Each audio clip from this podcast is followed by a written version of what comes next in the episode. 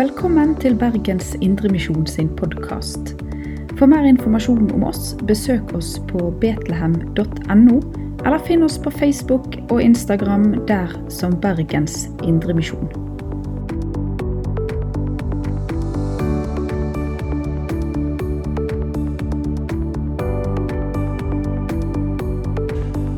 En samling rundt Bibelen og tema som eh, handler om bønn.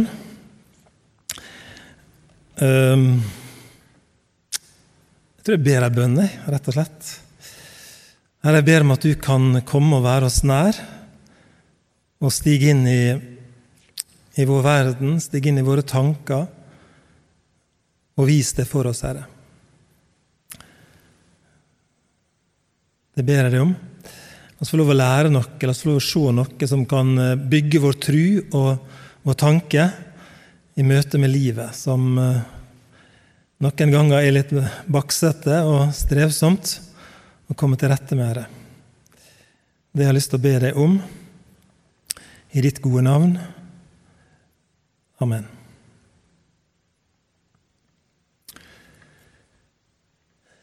Ja, dere er langt vekke. Da. Jeg kunne gjerne tenkt meg å flytte talerstolen fem meter fram her, slik jeg kom en meter fra Njål, men uh, sto her oppe, da.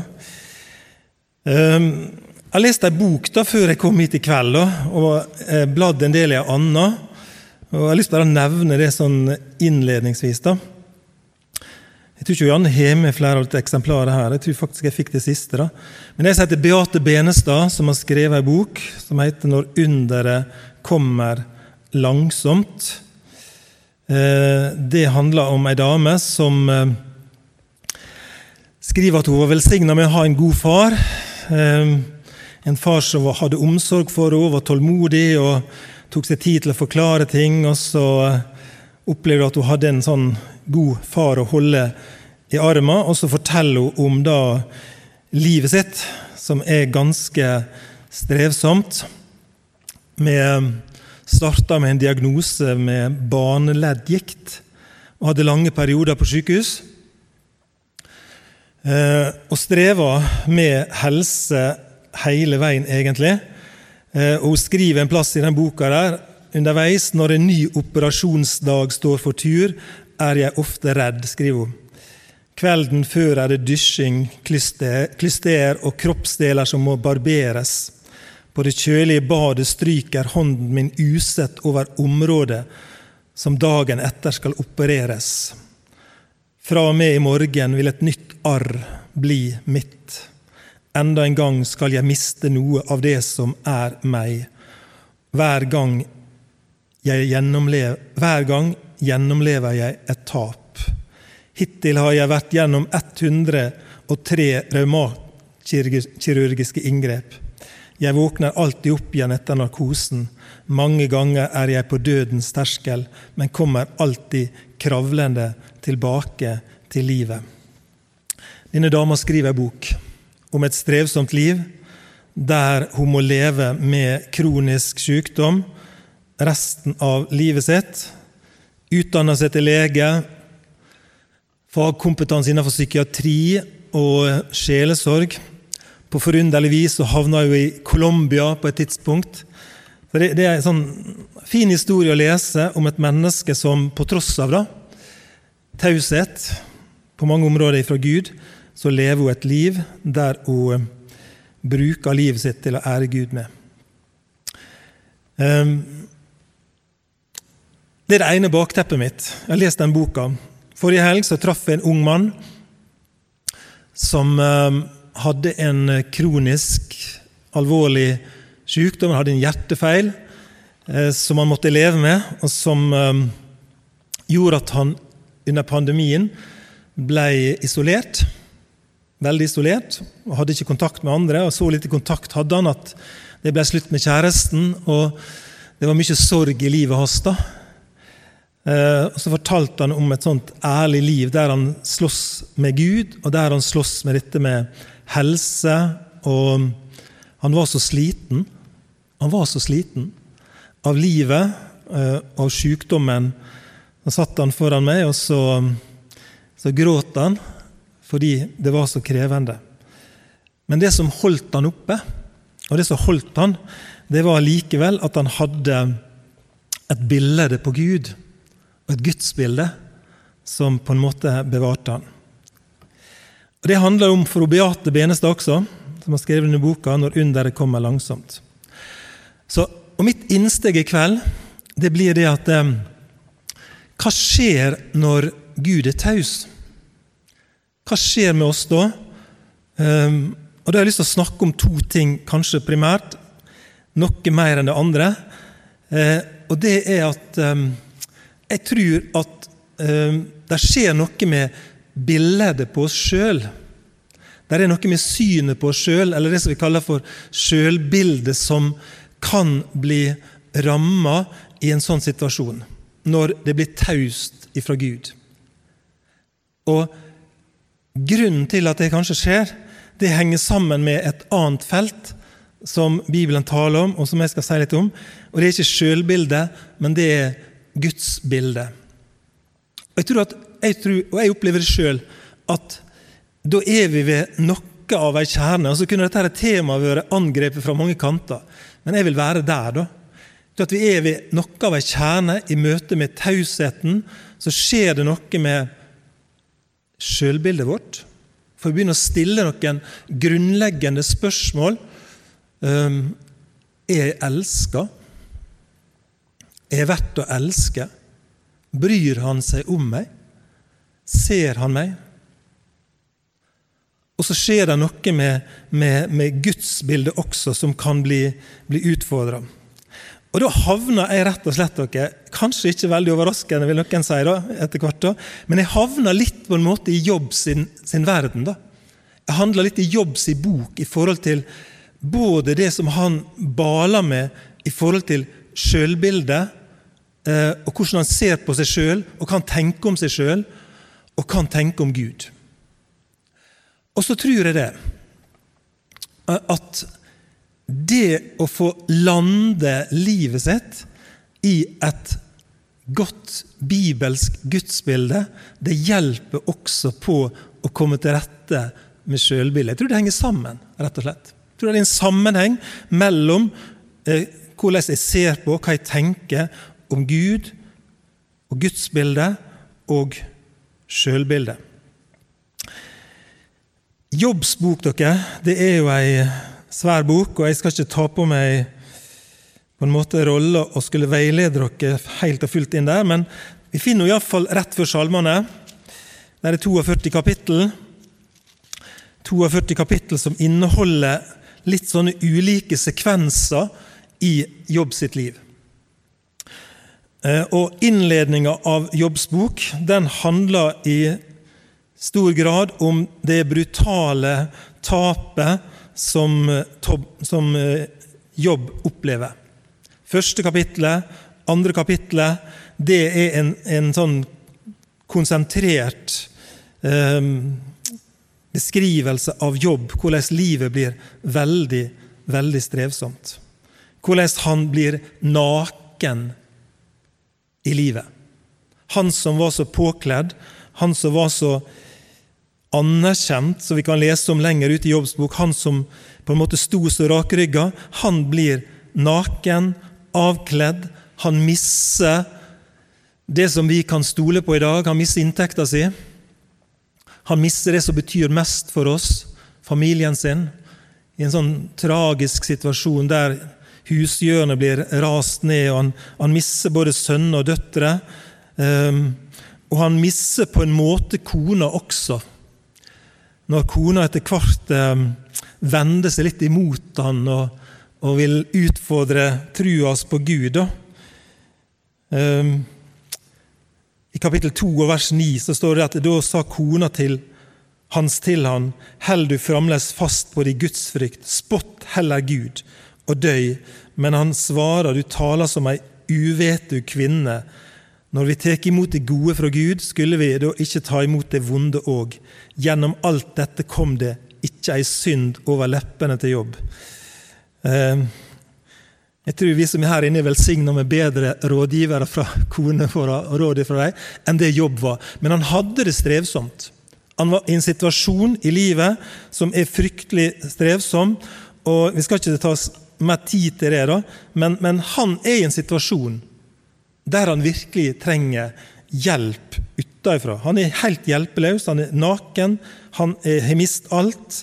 Og til slutt så mister han på en måte um, ikke bare inntekter og statusen og barna og på en måte familie, men han mister også helsa si. Og der sitter han.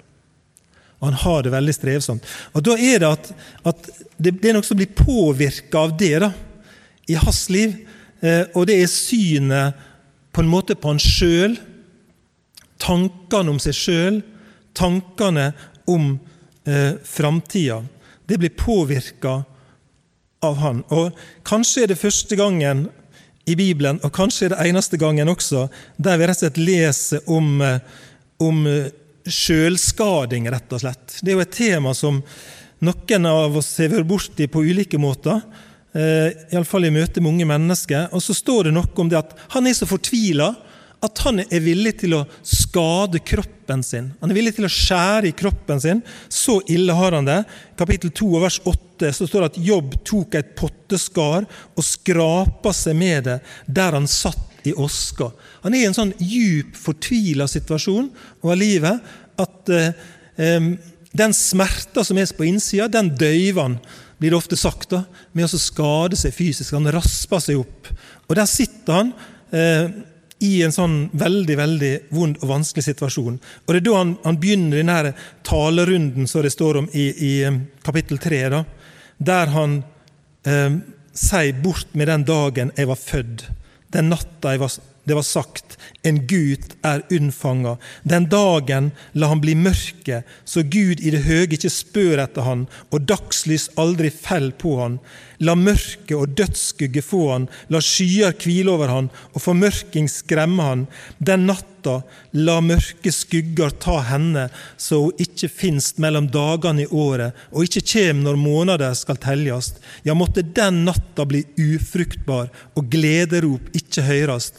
La dei lysa eh, forbanning over henne, de som maner fram ulykkedager, de som kan vekke Leviatan, La henne morgenstjerne slokne, la hun vente på lys som ikke kjem, og aldri sjå morgenrøden slå auga opp, for hun stengde ikke, dø, ikke morslivs dører for meg, og løgnde ikke lidinga for, mine, for auga mine. Kvifor dødde jeg ikke da jeg vart født, anda ut da jeg kom fra mors liv?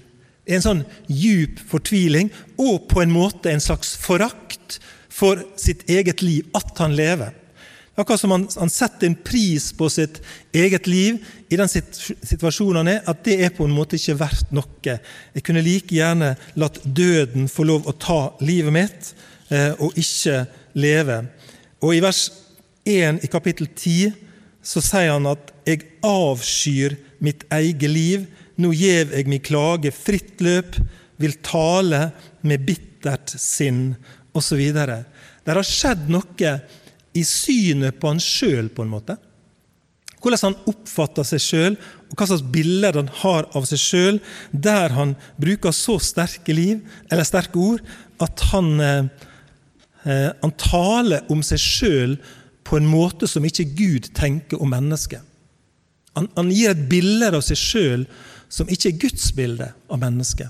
Han setter en verdi på seg sjøl, som ikke er den verdi som Gud setter på på mennesket. I kapittel 17 så står det i vers 1 Livskrafta mi er bråten, dagane mine tek ende, bare grava står att. Og så sier han i, i vers 14 Eg roper til grava, du er min far, og til makken i jorda, min mor og søster. Det er ganske ekstreme ting, da. Og jeg tenker at det, Dette er jo en kombinasjon av ei fysisk smerte, eh, og så er det en opplevelse av livet som er så strevsomt. Eh, og så er det farga av at han ser på seg sjøl på en måte som, som, der han nedskriver seg sjøl til egentlig bare å skulle fortjene ei grav og død, og ikke leve. Og Så er ikke det helt ensidig, da. Eh, og Det er noe som på en måte forundrer meg litt av og til når jeg leser Jobbs bok, at det der er også noen sånne lysglimt når han sier i kapittel 16 vers 19 da, at fremdeles har jeg et vitne i himmelen, en i det høye, som taler min sak. Altså han, han ser ikke heilsvart på livet og seg sjøl hele veien, men han ser, han ser, mye svart i livet, og han eh, ser på seg sjøl som en sånn um, Han har et veldig sånn lavt bilde av, av seg sjøl. Um, og det tror jeg kan skje da, med oss mennesker når vi um, ber Gud om å gripe inn i situasjoner. Enten det er vårt eget liv, vår egen helse, eller det er våre nære, eller hva vi skulle be om. Når det er stille, da begynner jeg å stille spørsmål ved meg sjøl og bilder av meg sjøl. Hva er verdt? Er jeg elska av Gud? Hva tenker Gud eh, når han ikke svarer meg? Det kan utfordre sjølbildet vårt. Men kanskje enda mer, da, tenker jeg at når det er stillhet eh, rundt eh, situasjonen vår, så utfordrer det gudsbildet. Kanskje enda dypere. Eh, og, det, og, det, ser jeg både når jeg leser litt i denne boka her, og når jeg snakker med mennesker, så er det veldig fort gjort at Hvor er Gud henne? Og vi stiller de grunnleggende spørsmåla nettopp om han, han ser og hører og kjenner oss. Og Jeg har lyst til å bringe inn noen perspektiv nå, noen tekster som handler om, om gudsbildet. For jeg tror, og jeg tenker, og jeg hviler i det med mitt 60 år gamle liv. da. Jeg har bikka 60 år. Jeg tror det. Eller ei, men det er iallfall tru det. Eh, og så kjenner jeg på det at det, det som kan bære meg når det er stilt, det er et, et bibelsk gudsbilde som gir slitestyrke til å tåle stillheten. Et bilde av Gud som tåler tausheten. Det å leve i og det å hvile i eh, et bilde av Gud som, som på en måte kan tåle stillhet eh, når svaret uteblir. Og Da er det noe i, i Jobbs bok eh, som, som, jeg syns er noe av det vakreste og fineste som vi kan si om gudsbildet.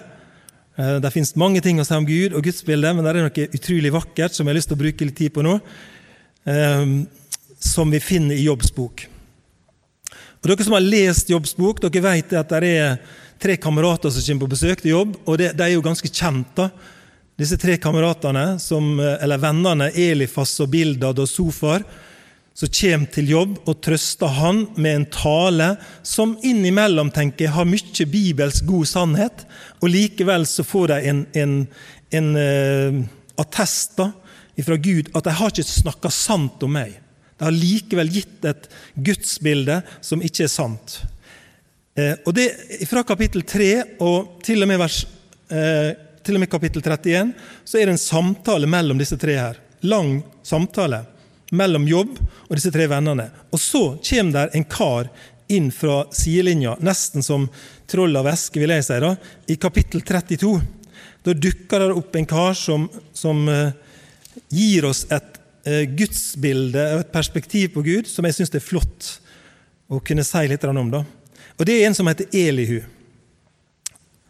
Eh, det står om han da, i kapittel 32, fra vers 6, at 'jeg er ung av år, og det er gamle'. Det betyr at det er en ungdom. da. Og Derfor var jeg redd, jeg våga ikke å si min mening til dere. Jeg tenkte, la alderen tale, la de mange år bære fram visdom. Men det er ånda som er i mennesket, pusten fra den veldige som fører til innsikt. Det er ikke tallet på år som gir visdom. De gamle veit ikke alltid hva som er rett. Derfor sier jeg 'hør på meg, jeg vil seie mi mening'. Litt sånn artig innledning, da, som eh, er kjekk å kanskje servere til ungdommer. da, og Fortelle det at det, de gamle veit ikke alltid hva som er best. da. Men det står ikke at de gamle vet aldri hva som er rett og hva som er godt. Men eh, det er ikke alltid det er sånn. Eh, men han Elihu han har fått visdom fra Gud. Og så taler han til, eh, til disse her som sitter rundt jobb, disse tre vennene og jobb, og så, og så gir han dem noen glimt i de videre kapitlene av et gudsbilde. Når Gud ikke svarer på bønn, tenker jeg, da blir det viktig å holde fast på det bibelske Guds- og farsbildet. Og Da er vi midt inn i kapittel 35, eller vi er ikke midt inn i, vi er på slutten av kapittel 35, når Elihu gir oss kanskje det mest kjente verset i eh, Jobbs bok, når han sier følgende Kapittel 35 og vers 13. Det er løgn at Gud ikke hører, at den veldige ikke ser. Og så kommer vers 14, dette her er veldig kjente. Jamvel når du sier at du ikke ser Han, ser Han de sak, og du må vente på Han. Dette er med noen enkle strek og enkle ord et bilde av Gud som Elihu da gir oss, og han gir det til jobb, han gir det til alle i all ettertid. Jeg vet ikke om det er sånn med dere som med meg, men lenge så tenkte jeg at det, Jobbs bok kapittel 35 og vers 14 det var et sitat av Jobb. Jeg skal ikke ta noen håndsopprekning på det, men jeg trodde lenge at det var Jobb som sa dette her. Men det er ikke Jobb som sier det. Tvert imot så vil jeg tenke og tro at Jobb har sagt det motsatte. At Jobb er den som sier at Gud ikke hører, at den veldige ikke ser, og så sier Elihu at jamvel når du sier at han ikke ser, da ser han din sak, og du må vente på han. Det er løgn, sier Elihu. Vi bærer med oss løgntanker om Gud ofte. Og Det er noen som serverer oss det. Og En av løgntankene som Elihu vil ta et oppgjør med i forhold til Gud, det er at han ikke ser. Det at han ikke hører det at selv om vi ikke ser Han, så ser Han oss. Det er en løgntanke om Gud. Og den tanken kan komme i situasjoner som vi er i livet vårt, der vi opplever at det er stille, det er taust, og jeg hører ingenting. Da fødes det tanker, da fødes det bilder av Gud som er løgntanker. Og jeg tenker eh, som jeg har sagt noen ganger, kommer til å gjenta det, fordi at det, det her er kommer til å hvile i dag. Det her kommer til å hvile, og jeg vil hvile der med min tru og min tanke i livet. Eh, det at eh, Gud er annerledes enn det. Jeg vil hvile i at Han er en Gud som ser, en Gud som hører, også når jeg ikke ser Han. Kanskje noen har tenkt allerede så vidt på et vers i profeten Jesaja da kan jeg lese det til deg hvis du har tenkt på det allerede, fra kapittel 49, som sier noe av, av, av det samme. da. At Gud er en som ser. Gud er en som ikke glemmer. Jesaja 49, vers 14. Sion sier, 'Herren har forlatt meg'. Herren har glemt meg. Kan ei kvinne glemme sitt diende barn, ei omsorgsfull mor det barnet hun bar? Sjøl om de skulle glemme, skal jeg ikke glemme deg. For sjå, jeg har teikna deg i hendene mine. Murene dine er alltid framfor meg. Gud er en Gud som ser. Det er det Elihu vil fortelle oss, og profeten Jesaja bruker et sterkt bilde som jeg må si det, at jeg har ikke greie på det helt. Dette her med, med diende barn og sånne ting. Eh, det har jeg ikke så god greie på. Men jeg tror at en del av dere damer kan bekrefte det at det å slutte å gi melk til barnet, det fører til en sånn spreng som kan bli fysisk vond. da. Eh, jeg har hørt rykte om det. Stemmer ikke det? Jeg har noen leger nede. Altså det, det, er med, det er noe med det. Hvis du ikke får gitt fra deg melka, så får du en smerte. Og den er vond. Jeg tror det kan bli en sånn skikkelig betennelse og vanskelige greier. Men nå er jeg ute på, ut på tynn is. da. Men poenget er at ei mor som har det sånn, er veldig vanskelig å glemme barnet sitt. For jeg får en påminnelse som er så kraftig, og så sier da profeten Jesaja at sjøl om det er sånn at det kan skje, at ei mor kan glemme, så kan ikke Gud glemme deg. Hva, hva er bildet som blir tegna eh, av Gud? Hva er det bildet jeg skal bære med meg når Gud er taus? Um, han er en som ser meg. Han er en som ser deg. Og det er det Elihu um, gir til jobb i hans situasjon. Og det er det budskapet som vi finner igjen i Første Mosebok 16, som jeg synes er en sånn vakker fortelling også om akkurat det samme. Der vi opplever denne trellkvinna, Hagar, som eh, ja, hun, blir egentlig, eh, hun blir egentlig sendt på flukt, eller hun flykter fra Sara eh, fordi at hun, Sara begynner å ydmyke henne. Hagar som fikk, ble gravid, og Sara som ikke ble, ble gravid, Eh, så ble liksom Sara litt sånn høy på det, og så eh, brukte hun den situasjonen til å se ned på Sara, står det i 1. Mosebok 16. Eh, og Sara opplever det sårende, og så svarer hun med å bruke husfruens makt, med å ydmyke Hagar. Ydmyker hun. Sara nedkjemper Hagar. Sara undertrykker i synonymordboka for for ydmyke. Hun undertrykker og tyranniserer. Hun ødelegger livet hennes. Det blir uutholdelig, og så er hun på flukt, og så drar hun ut i ørkenen. Eh, og Der møter hun en engel fra Gud, denne kvinna. Og så spør denne her eh, engelen hvor hun kommer ifra, og hvor hun skal hen. Og så skjer det en sånn underlig sak. Eh, det utenkelige for Hagar var det å dra tilbake til Sara, for der vil hun bli undertrykt. Men hun drar tilbake, eh, og det er én grunn til det. Og det er det som hun sier da i, i eh, Første Mosebok 16. Du er en Gud som ser meg, sier hun. For hun sa, har jeg virkelig sett Han som ser meg? Hagar gir samme erfaringer som Elihu snakka om, og som vi leste om i Jesaja 49, at Gud er en Gud som ser. Hun drar tilbake dere til et liv som var krevende. Og Hvis jeg skal overføre det, ehm, så ehm, Det å vite å ha en Gud, og jeg kan hvile i et gudsbilde, at det er en Gud som ser meg, også når det ikke blir svart noe, Eh, det fører til at jeg kan bli stående. Jeg kan bli værende i det ubesvarte. Jeg kan dra tilbake til det landet der, på en måte, der jeg må leve med eh, det ubesvarte, fordi jeg veit at jeg har en Gud som ser meg.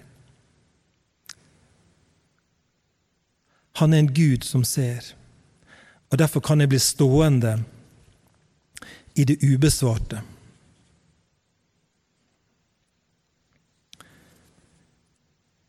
Jamvel når du sier at du ikke ser han, ser han din sak, og du må vente på han. Du må vente på han. Det er en spennende kobling mellom Jobbs bok og Jakobs brev. Det var sånn at Jeg, jeg jobba med en Audun her i Betlehem i mange år. og så var det sånn Av og til så, så trodde jeg at jeg hadde gjort en stor oppdaging i Skriften. Og så sa jeg til Audun et eller annet. Nei, det har jeg visst lenge, sa han. Er du med? Liksom, du trodde, her, nå har jeg liksom funnet noe. Nei, det har jeg liksom visst lenge. Og så Hvis jeg nå skal si liksom det at det er en kobling mellom Jobbs bok og Jakobs brev, så skal ikke jeg prøve meg på å si har dere sett det, for det har dere sett lenge. alle sammen, sant? Men hør, da. Det er noe som, som, handler om den tematikken. Eh, for det første en Gud som ser oss, og for det andre vi må likevel vente. Og Da er det en kobling i Jakob 5. Og av alle kapittel i Bibelen så er Jakob 5 det kapittelet som taler om sykdom og en modell for det å be for mennesker med sykdom. Å kalle til seg det eldste, salve i Jesu navn og be for syke. Og Før en kommer til det avsnittet i kapittel 5, der på, på slutten av, av eh, kapittelet, så står det i vers 7 følgende Vær da tålmodige, søsken, til Herren kjem. En bonde må vente på den dyrebare grøa fra jorda og være tålmodige til både haustregnet og vårregna faller. Slik må det òg være tålmodige og gjøre hjarta sterke, for Herren kjem snart. Klag ikke på hverandre, søsken, så de ikke skal bli dømte. Se, dommeren stå for døra. Og så kommer det vers 10. Ta profetene til føredømmesøsken, de som taler i Herrens navn. De helt tålmodig ut når de måtte lide vondt. Ja, alle som helt ut, priser vi særlig.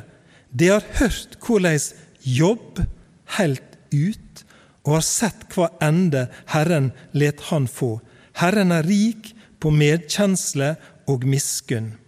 Av alle profeter, eller av alle på en måte skikkelser i Det gamle testamentet som Jakob tenker på, da, eh, som er forbildet, som han skriver, så plukker han fram ett navn, og det er jobb.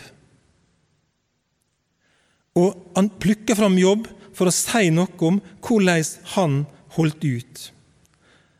Så kan vi kanskje si at han, han, får, han får, liksom en bedre attest her da, enn han får, eller gir seg sjøl, på en måte. Det er av og til jeg lurer på det der nå. Han blir jo veldig fint omtalt at han holdt så fint ut, men det var jo ikke bare vakkert det som han sier om seg sjøl, og det som vi leser om i Jobbs bok. Men Jakob sier likevel han holdt ut. Eh, og så bruker Jakob denne metaforen her da, om, eh, om, jorda og tålmodighet og høstregn og vårregn skal falle, og ting skal gro og ting skal vokse. da. Eh, og Der er mange av dere sikkert mer erfaring enn meg. men og Janne og jeg kjøpte oss to epletre for eksempel, i, på forsommeren. Planta dem ut forbi huset. Tenk på de 17 år at vi skal kjøpe oss noe frukttre. I år så gjorde vi det. Og så må du vente. Du må vente. Det tar sin tid tålmodig høstregn. Og så var det en fantastisk eh, vår og sommer. Sant? Slik at det, eh, det, kom faktisk eple på disse to små epletrærne som vi hadde utenfor huset. Og jeg kjenner i kroppen min enda hvordan det var å gå ut en morgen eller en ettermiddag og lirke av det første eplet. Og jeg måtte vente. Nei, det, det, er, ikke, det er, ikke, klart ennå, sier Janne. Sant? Og så jeg, ja, nei, jeg måtte liksom bare ha et eple. Um, for det måtte gå sin gang over tid. Og Det er den metaforen på en måte eh, Jakob bruker om jobb. Jamvel når du sier at du ikke ser han, ser han i sak, og du må vente på han. Det handler om gudsbildet, det også. Det handler om en Gud som ikke har glemt oss, og kanskje vi må vente, eh, men han ser, og han kjenner deg. Andreas Nordli har skrevet en bok som må Janne ha med seg, som har tittelen 'Når Gud er taus', som handler nettopp om dette temaet i dag. Der skriver han følgende.: Stillhet er integrert i naturens rytme. Det er vinterens tysthet at røttene vokser nedover og blir sterkere. Tidlig på våren blir kornet lagt i jorden for å dø. Og dette er den ultimate stillhet. Men denne døden er en forutsetning for at det skal begynne å spire liv. For mot slutten av våre, av våre begynner festen. En fest som går gjennom sommeren, helt til høsten begynner med alle sine farger og nyanser. Da kan vi høste fra jordens frukter. Da kan vi nyte godt av stillheten som preget jorden i ni måneder tidligere å vente. Vente i stillhet. Jeg skulle egentlig ha med min illustrasjon i dag, men jeg glemte det. Jeg skulle egentlig ha med et sylteglass, et tomt sylteglass med litt mold oppi, fylt med vann. Og så skulle jeg riste på det, og så skulle det bli svart. Og så skulle jeg sette det fra meg der, og så skulle det få lov å stå der. og så skulle det få lov å synke ned, og så skulle det få klane litt. Vannet skulle klane litt etter litt, bare ved å stå der. Eh, og det er der jeg tror hemmelighetene i å søke Gud eh, og Guds bilde. Kanskje vi må være stille. Kanskje vi må være ventende eh, før Han åpenbarer seg. Nå klokka halv ni. Eh, skal jeg si litt til, eller er det greit? Ja. Um, det jeg tenkte på i kveld, da, for å oppsummere så langt, det var at når Gud er taus, når ting har ramma oss, så gjør det noe med, med sjølbildet vårt. Vi kan begynne å rote med ting og si ting om oss sjøl som ikke er sant, løgntanker, um, fordi vi tillegger Gud et annet bilde av Han enn det han er, og vi kan rote til med gudsbildet. Det eneste trygge vi kan gjøre i forhold til gudsbildet og sjølbilde, tenker jeg og tror jeg, det er å søke det gudsbildet som Bibelen taler om. Det gudsbildet som Bibelen tegner for oss. Og da har jeg sagt noe om at han er en Gud som ser. Eh, han ser oss, og vi må vente på han. Så vil jeg si én ting til, og det er en sånn oppmuntring til at selv om Gud er taus når vi ber, så er det flere bibeltekster som handler om håp, og som oppmuntrer oss til å fortsette å be. Selv om det er taust. Og Det har jeg lyst til å si litt om eh, mot slutten her. Da. Og da går vi til en tekst i Matteus 15. Matteusevangeliet kapittel 15. Der står det om ei kvinne, ei kananesk kvinne. 1521. Så for Jesus derifra og tok vegen til landet kring Tyros og Sidon. Da kom det ei kanonesk kvinne fra dette området og ropa, Herre, du Davids sønn, miskunn deg over meg, Datteren mi er ille plaga av ei vond ånd. Men han svarer henne ikke ett ord. Da gikk læresveinene fram og ba, ba han, bli ferdig med henne, hun går og roper etter oss. Men han svarer, jeg er ikke sendt til andre enn de bortkomne sauene i Israels hus. Da kom hun og fall ned for han og sa, Herre, hjelp meg. Og han svarer, det er ikke rett å ta brødet fra borna og kaste det til hundene. Det er sant, Herre, sa kvinna, men hundene eter de smulene som faller fra bordet til eierne deres. Da sa Jesus til henne, stor er trua di, kvinne. Det skal gå som du vil, og dattera ble frisk i samme stunda. Fire korte poeng fra den teksten der. Fire korte ting. For det første, når denne kvinna, denne kanoniske kvinna kommer og ber til Jesus, ber om hjelp, da er det første som skjer, at Jesus er taus. Han sa ingenting. Og Det er en form for ikke, Det er kanskje ikke fint å si det da, om Jesus, da, men det er en form for det å være helt taus. Det er en form for maktspråk, på en måte. Du blir veldig usikker. Hvis du henvender deg til et menneske, eller hvis du utfordrer, så er det helt stille. Da raser det tusen tanker gjennom hodet ditt. Du lurer på hva og hva tenker han, hva mener han? Hva? Altså, der er, der er, det er en sånn usikkerhet som blir skapt, og som kan oppleves som en avvisning. Jeg blir avvist fordi jeg henvender meg til noen, men de svarer ikke i det hele tatt. De er helt stille. Og Det, det, det, det ligger en sånn avvisning og dirrer i lufta der, at denne kvinna ber ei bønn, og det er stille. Sa ingenting. Jesus var helt taus. Det andre som skjer i vers 24, det at han svarer. Jeg er ikke sendt til andre enn de bortkomne sauene i Israels hus. Eh, sagt med ett ord så er svaret nei. Hun ber, og får nei. Så fortsetter bønna i vers 26. Da kom hun og fall ned for han og sa, Herre, hjelp meg. Han svarer, det er ikke rett å ta brød fra barna og kaste det til hundene. Først er det avvisning, taushet, så er det nei én gang, og så er det nei en gang til. Igjen svarer han nei. Det er ikke rett. Det er ikke rett å ta det eh, ifra barna og kaste det til hundene. Da er hundene et, et, et uh, uttrykk for, for, hedningene. Det er ikke riktig. Og så svarer denne kvinna Hun gir seg ikke, da.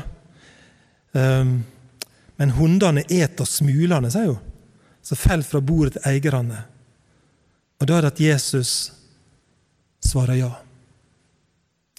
Og Dette er ei, ei sånn håpets fortelling, tenker jeg. Taushet. Nei, nei, og så gir hun seg ikke. Og Hvis jeg skal plusse på med ei, ei fortelling som har en sånn veldig klar adresse, da, hvorfor den har blitt gitt oss, hvorfor den ligninga har blitt gitt oss, så kan du lese i Lukas 18 han fortalte dem en likning, Lukas 18,1, at de alltid skulle be og ikke misse motet. Og så forteller han om en dommer, en urettferdig dommer, som igjen er en sånn oppfordring til å fortsette å be. Og hvorfor skal vi fortsette å be? Jo, fordi den djupeste begrunninga for det, tenker jeg, at vi har en far som veit hva vi trenger, og som bryr seg om oss. Det kunne vi lest om fra Matteus 6, der den djupeste begrunnelsen for han er en far som veit hva vi trenger. Gudsbildet, sjølbildet, henger sammen, og jeg tenker at jeg må lande trua mi, livet mitt, kampen min i et gudsbilde som sier det. Han ser meg. Han kjenner meg. Jeg er elska av Han. Når Gud ikke svarer på bønn, da blir det viktig å holde fast på det, på tross av jeg ikke får svar. Derfor kaller hun boka si 'Når underet kommer langsomt'. Og det kom så langsomt at hun ble ikke Hun lever vel kanskje ennå. Ikke helt sikker på det. Jeg tror kanskje hun gjør det. Um, men det er først framme ved målet i himmelen at hun blir skikkelig um, helbreda.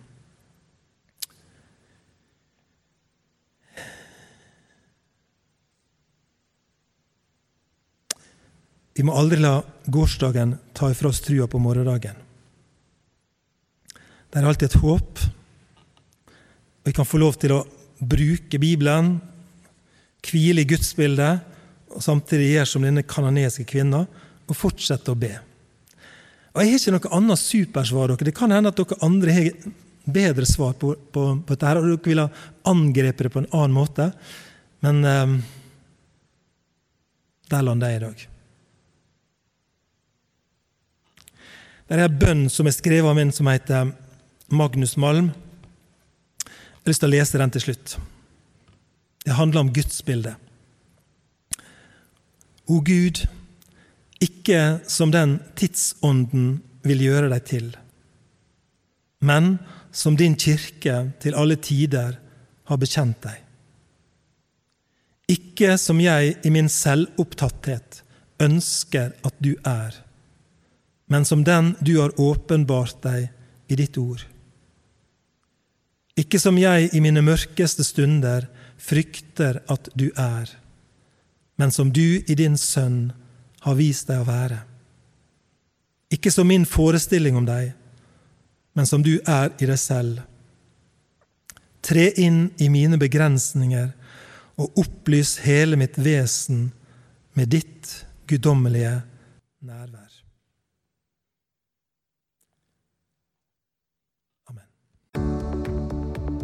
Du har lytta til Bergens Indremisjon sin podkast. For mer informasjon om oss, besøk oss på betlehem.no, eller finn oss på Facebook og Instagram der som Bergens Indremisjon.